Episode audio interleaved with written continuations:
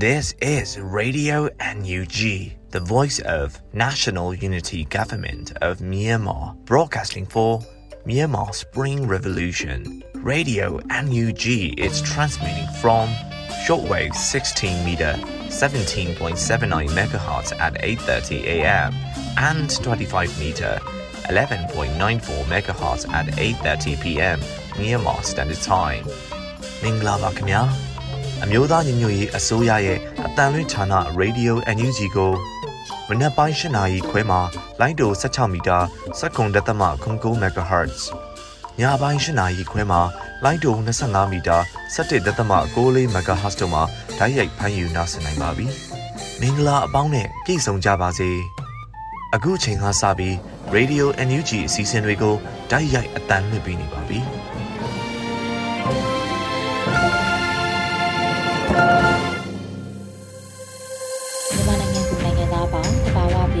ရာနာရှင်ပြည်တို့ကနေကင်းဝေးပြီးကိုစိတ်နှစ်ပါးပေးကင်းလို့ကြပါစေလို့ရေဒီယိုအန်ယူဂျီဖွယ်သားများကဆုတောင်းမေတ္တာပို့သလာရပါတယ်ရှင်။အခုချိန်ကစပြီးကာကွယ်ရေးဝန်ကြီးဌာနရဲ့စီးသတင်းချင်းချုပ်ကိုတော့ဝေဦးရင်ကမှဖတ်ကြားတင်ပြပေးပါမယ်ရှင်။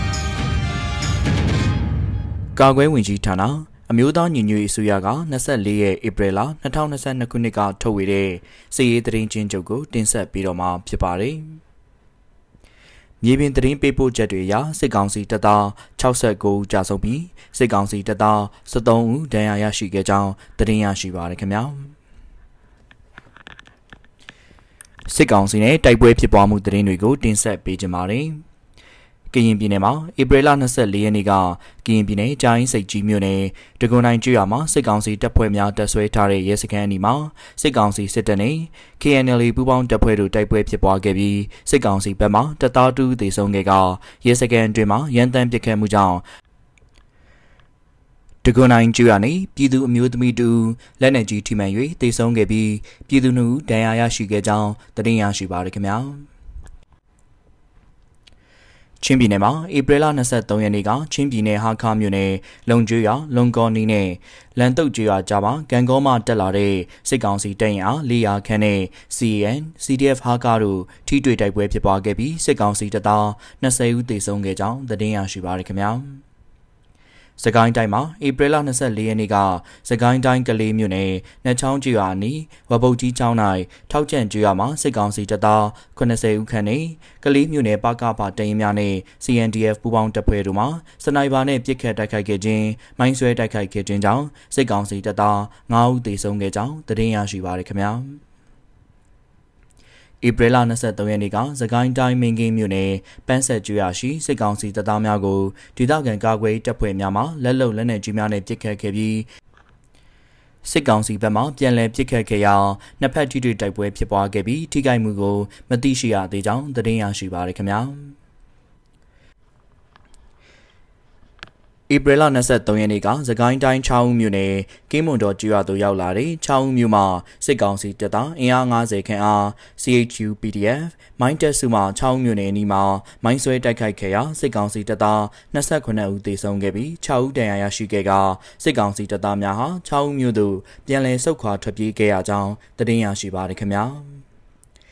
နင်္သာရီတိုင်းမှာဧပြီလ23ရက်နေ့ကတနင်္သာရီတိုင်းဗုတ်ပြင်းမြို့နယ်လေးညာရွာနီးမှာစစ်ကောင်စီတပ်များနဲ့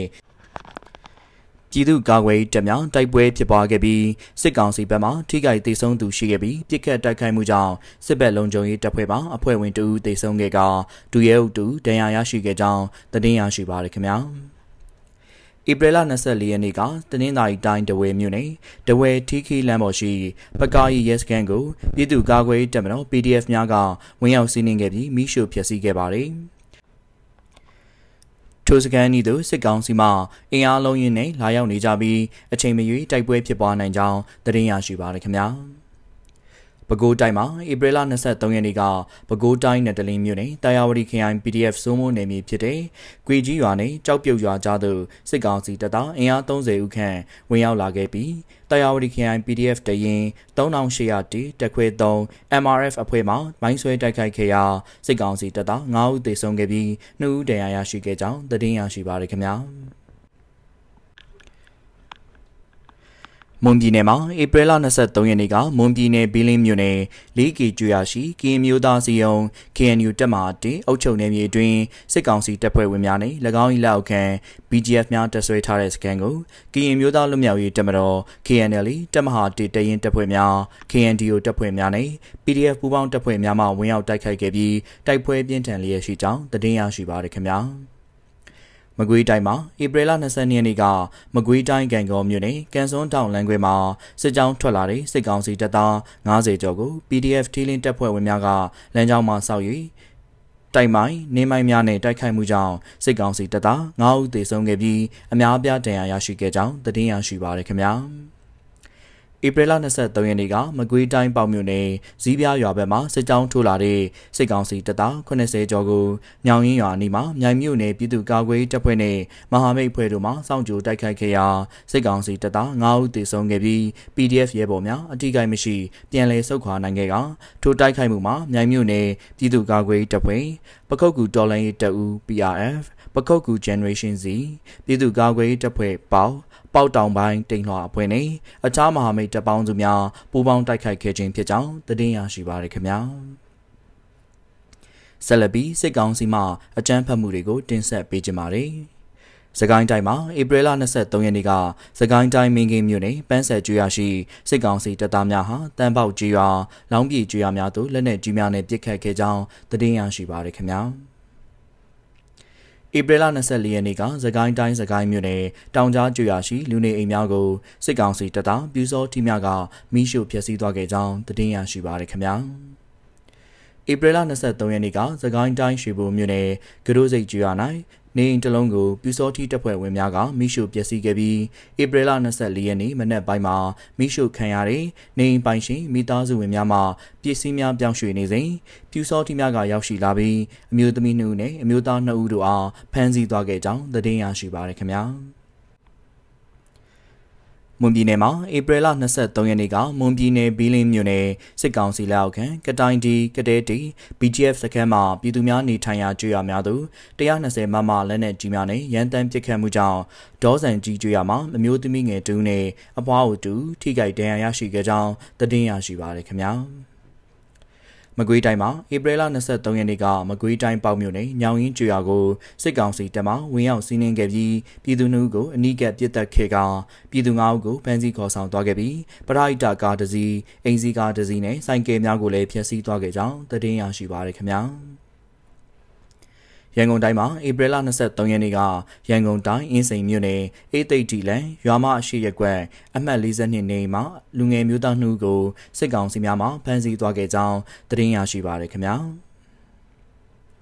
ဧပြီလ24ရက်နေ့ကရန်ကုန်တိုင်းလိုင်သာယာမြို့နယ်အောင်စရတရားပေါ်မှာစစ်ကောင်စီအင်အား20ကျော်နဲ့အဖွဲ့၃ဖွဲ့ခွဲ၍ဆိုင်ကယ်များနဲ့ကားများကိုဖမ်းဆီးစစ်ဆေးနေပြီးဖမ်းဆီးထားတဲ့ဆိုင်ကယ်များကိုလည်းတင်စီခဲ့ကြောင်းသတင်းရရှိပါရခင်ဗျာ။ ဧပြီလ20ရက်နေ့ကရန်ကုန်တိုင်းစီးပွားရေးတက္ကသိုလ်ရွာသားကြီးနယ်မြေကျောင်းသားကိုထပ်ပိုင်ဆိုအားစစ်ကောင်စီမှမတရားဖမ်းဆီးခဲ့ပြီးလက်ရှိတွင်မြည်သည့်နေရာသို့ခေါ်ဆောင်သွားသည်ကိုမသိရှိရသေးကြောင်းသတင်းရရှိပါရခင်ဗျာ။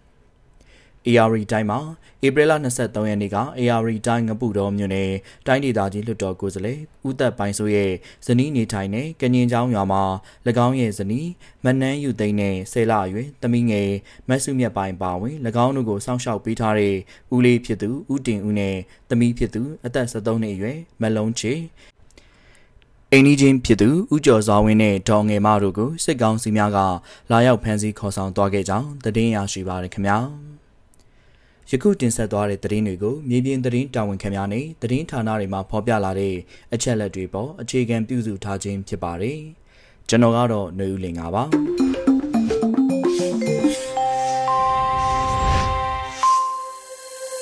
ဗီဒီယိုအန်ယူဂျီရဲ့မနက်ခင်းစီစဉ်တွေကိုဆက်လက်တင်ပြနေပါတယ်။အခုတစ်ခါနောက်ဆုံးရသတင်းများကိုတော့မျိုးဦးမောင်မှဖတ်ကြားတင်ပြပေးပါမယ်ရှင်။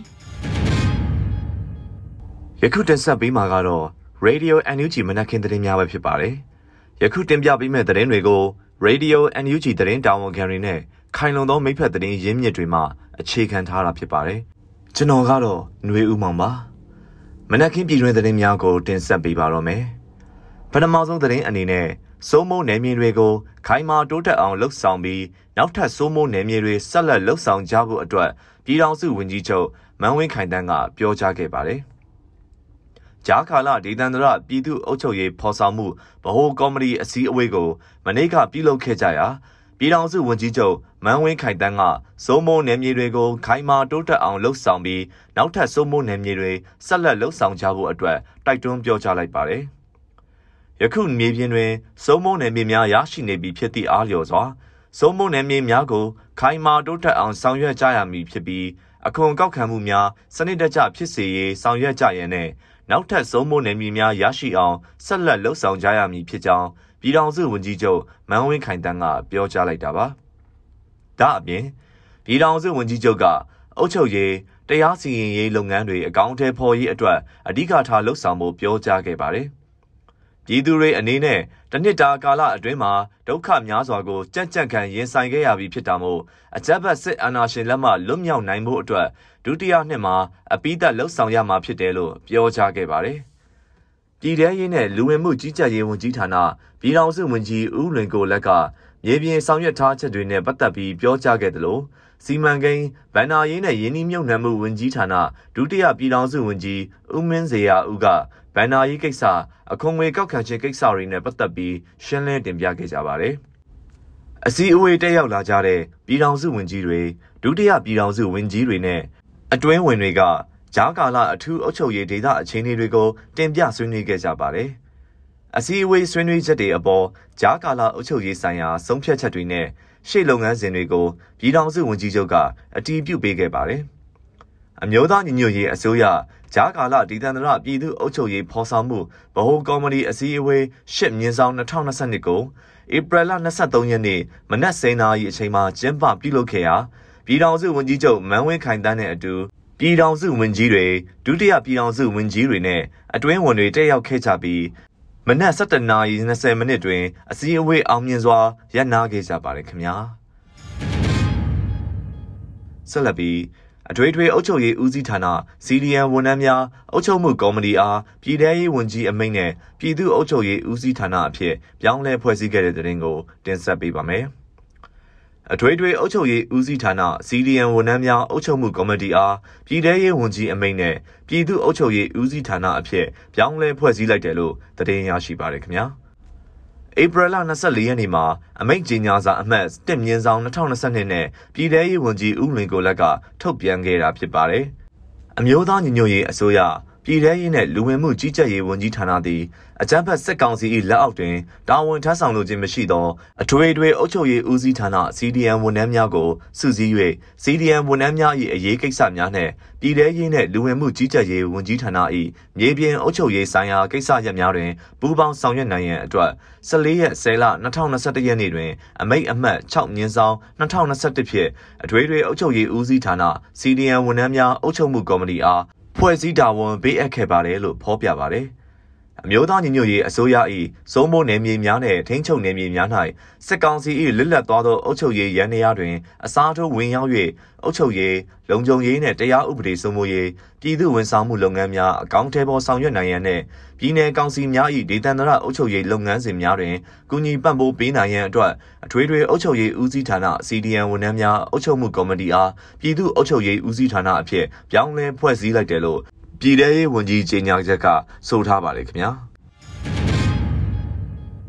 ဆက်လက်ပြီးလာမယ့်နှစ်မှာစစ်ရေးတွေမကပဲအုပ်ချုပ်ရေးနဲ့နိုင်ငံရေးဘက်မှာပါဘုံဘုံထင်ရှားတဲ့အောင်မြင်မှုတွေကိုရအောင်ဆောင်ရွက်သွားမှာဖြစ်တယ်လို့ပြည်ထရေးဝန်ကြီးဦးလွင်ကိုလက်ကဆိုပါတယ်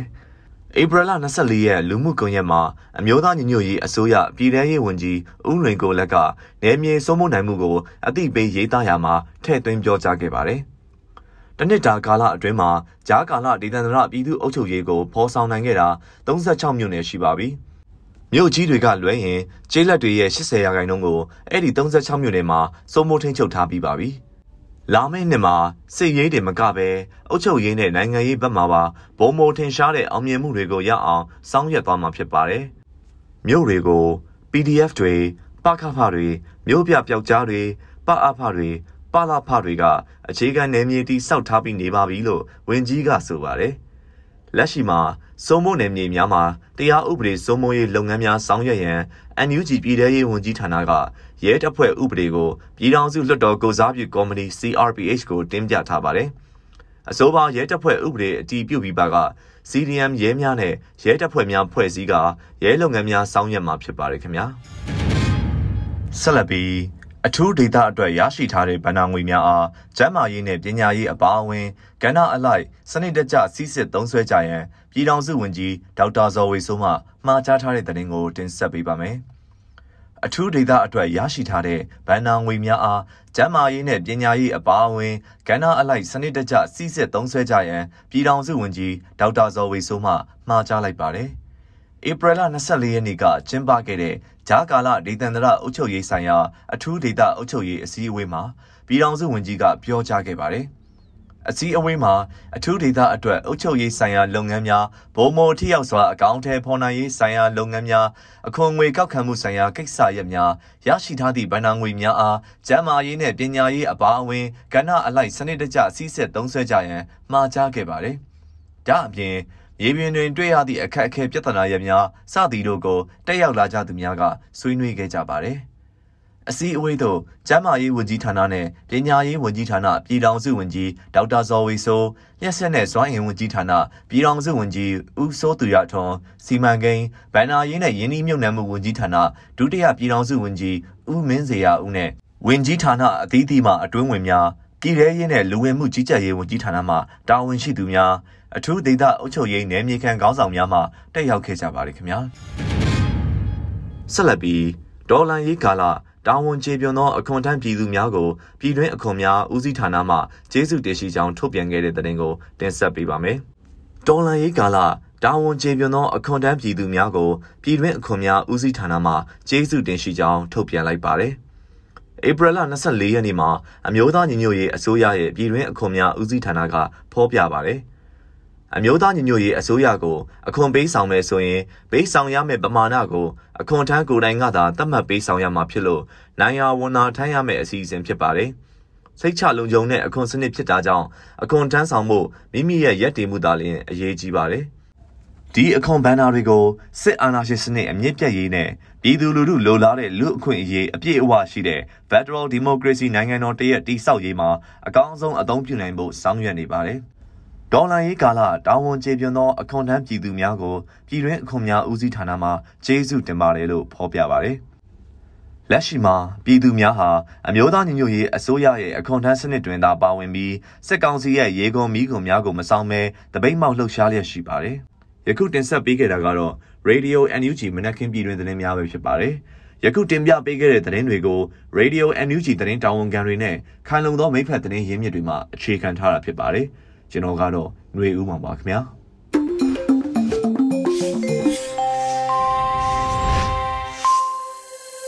အခုဆက်လက်ပြီးတော်လန်ရေးတေးဂီတာအစီအစဉ်မှာတေးရေးတေးဆိုမင်းမင်းရဲ့သူရဲကောင်းတို့ရဲ့မြန်မာပြည်ဆိုတဲ့တေးဂီတာကိုနားဆင်ကြရတော့မှာဖြစ်ပါရဲ့ရှင်။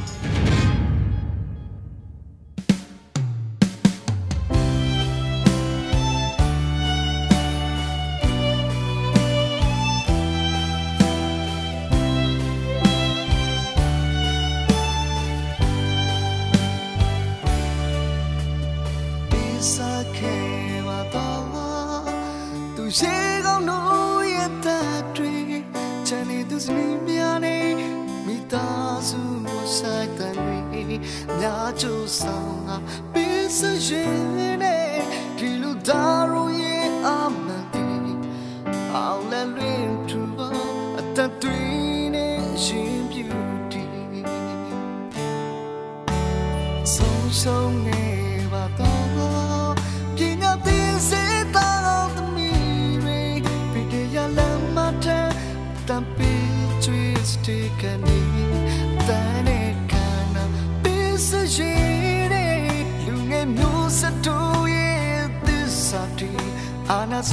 是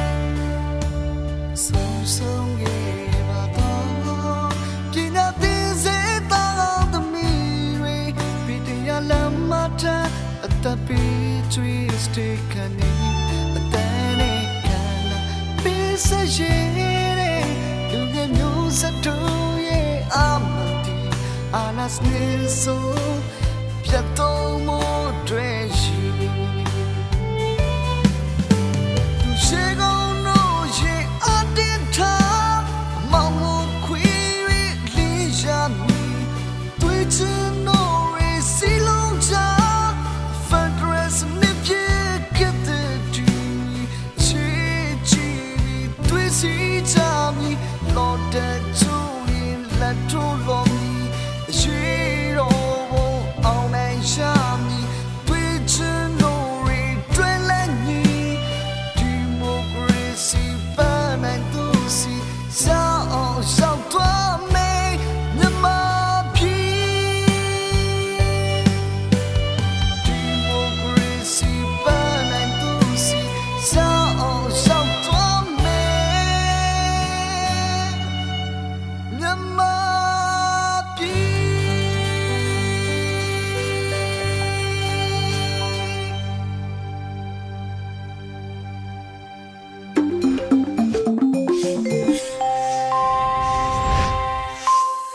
ရေဒီယိုအန်ယူဂျီမှာဆက်လက်တင်ပြနေပါတယ်။အခုဆက်လက်ပြီး PPTV ရဲ့နေ့စဉ်သတင်းများကိုတော့မျိုးတော်တာမှဖက်ကြားတင်ပြပေးပါမယ်ရှင်။ပထမဆုံးတင်ဆက်ပေးမှာကတော့ CTM ဝန်ထမ်းတွေကိုထောက်ပံ့ဖို့ရည်ရွယ်ပြီးအမျိုးသမီးလူငယ်နဲ့ကလေးသူငယ်ရေးရာဝန်ကြီးဌာနကပကြီးကားတွေကိုကန်ဆယ်မဲဖောက်ပြီးရောင်းချပေးမယ်ဆိုတဲ့သတင်းမှာ CTM ဝန်ထမ်းတွေကိုထောက်ပံ့ဖို့ရည်ရွယ်ပြီးအမျိုးသားညိုရေးအစိုးရအမျိုးသမီးလူငယ်နဲ့ကလေးသူငယ်ရေးရာဝန်ကြီးဌာနကပကြီးကားငါးကားကိုကန်ဆယ်မဲဖောက်ပြီးရောင်းချသွားမှာဖြစ်တယ်လို့သတင်းထုတ်ပြန်ထားပါတယ်။ပကြီးကားတိုင်းမှာပကြီးဆရာရဲ့ခန်းစားချက်ကိုပူးတွဲဖော်ပြထားတာဖြစ်ပြီးတော့မဲလက်မှတ်အတွက်နိုင်ငံပေါင်း6နိုင်ငံကနေဝယ်ယူနိုင်တယ်လို့လည်းဆိုထားပါတယ်။ဝယ်ယူနိုင်တဲ့နိုင်ငံရဲ့ဈေးနှုန်းတွေကိုလည်းသတ်မှတ်ပေးထားတာတွေ့ရပါတယ်။ အမေရိကန်နိုင်ငံကကန်ဆာမဲ့သူတွေအတွက်အမေရိကန်ဒေါ်လာ9စင်ကာပူနိုင်ငံအတွက်စင်ကာပူဒေါ်လာ30တောင်ကိုရီးယားနိုင်ငံအတွက်ဝမ်9000ဂျပန်နိုင်ငံအတွက်ယန်1000ထိုင်းနိုင်ငံအတွက်ဘတ်150နဲ့မြန်မာနိုင်ငံအတွက်ကျပ်1000သတ်မှတ်ထားတာတွေ့ရပါတယ်။ကန်ဆာမဲ့လက်မှတ်တွေဝယ်ယူမယ်ဆိုရင်အမျိုးသမီးလူငယ်နဲ့ကလေးသူငယ်ရေးရာဝန်ကြီးဌာနရဲ့ Facebook page မှာဝင်ရောက်ကြည့်ရှုပြီးကန်ဆာနိုင်တယ်လို့လည်းဖော်ပြထားပါတယ်။ ကန်ဆာမဲဖောက်ပေးတာကိုအဆိုတော် November 2ကပြုလုပ်သွားမှာဖြစ်တယ်လို့လည်းဖော်ပြထားတာတွေ့ရပါတယ်။အခုတင်ဆက်ပေးမှာကတော့ຫນွေဦးတော်လှန်ရေးကာလအတွင်းကြာဆုံးခဲ့ရသူပေါင်း1982ဦးအထိရှိနေခဲ့ပြီလို့နိုင်ငံရေးအကျဉ်းသားများကူညီစောင့်ရှောက်ရေးအသင်း AAPP ကစာရင်းထုတ်ပြန်လိုက်တဲ့သတင်းမှာ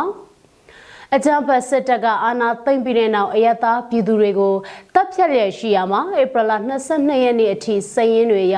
ကြာဆုံးခဲ့ရသူ1982ဦးအထိရှိပြီဖြစ်တယ်လို့နိုင်ငံရေးအကျဉ်းသားများကူညီစောင့်ရှောက်ရေးအသင်း AAPP ကထုတ်ပြန်လိုက်ပါတယ်။ အခုနောက်ဆုံးထုတ်ပြန်လိုက်တဲ့စည်ရင်မှာဧပြီလ22ရက်နေ့ရှေ့ပိုင်းကကြာဆုံးခဲ့ရတဲ့စကိုင်းတိုင်းဒေသကြီးဒီပဲရင်မြို့နယ်မှာအပြစ်မဲ့ပြည်သူ3ဦးရဲ့အချက်လက်တွေကိုထည့်သွင်းထားတာဖြစ်ပြီးတော့လက်ရှိထုတ်ပြန်ထားတဲ့အရေးအတွက်က AAPP ကကောက်ယူရရှိထားတဲ့အရေးအတွက်ဖြစ်ပြီးအမှန်တကယ်ကြာဆုံးသွားသူတွေကလက်ရှိအရေးအတွက်ထက်ပိုနိုင်တယ်ဆိုပြီးတော့လည်းဖော်ပြထားတာတွေ့ရပါတယ်။ နိုင်ငံရေးအကျဉ်းသားများကုညီဆောင်ရှောက်ရေးအသင်း AAPP ရဲ့မှတ်တမ်းပြုချက်များအရ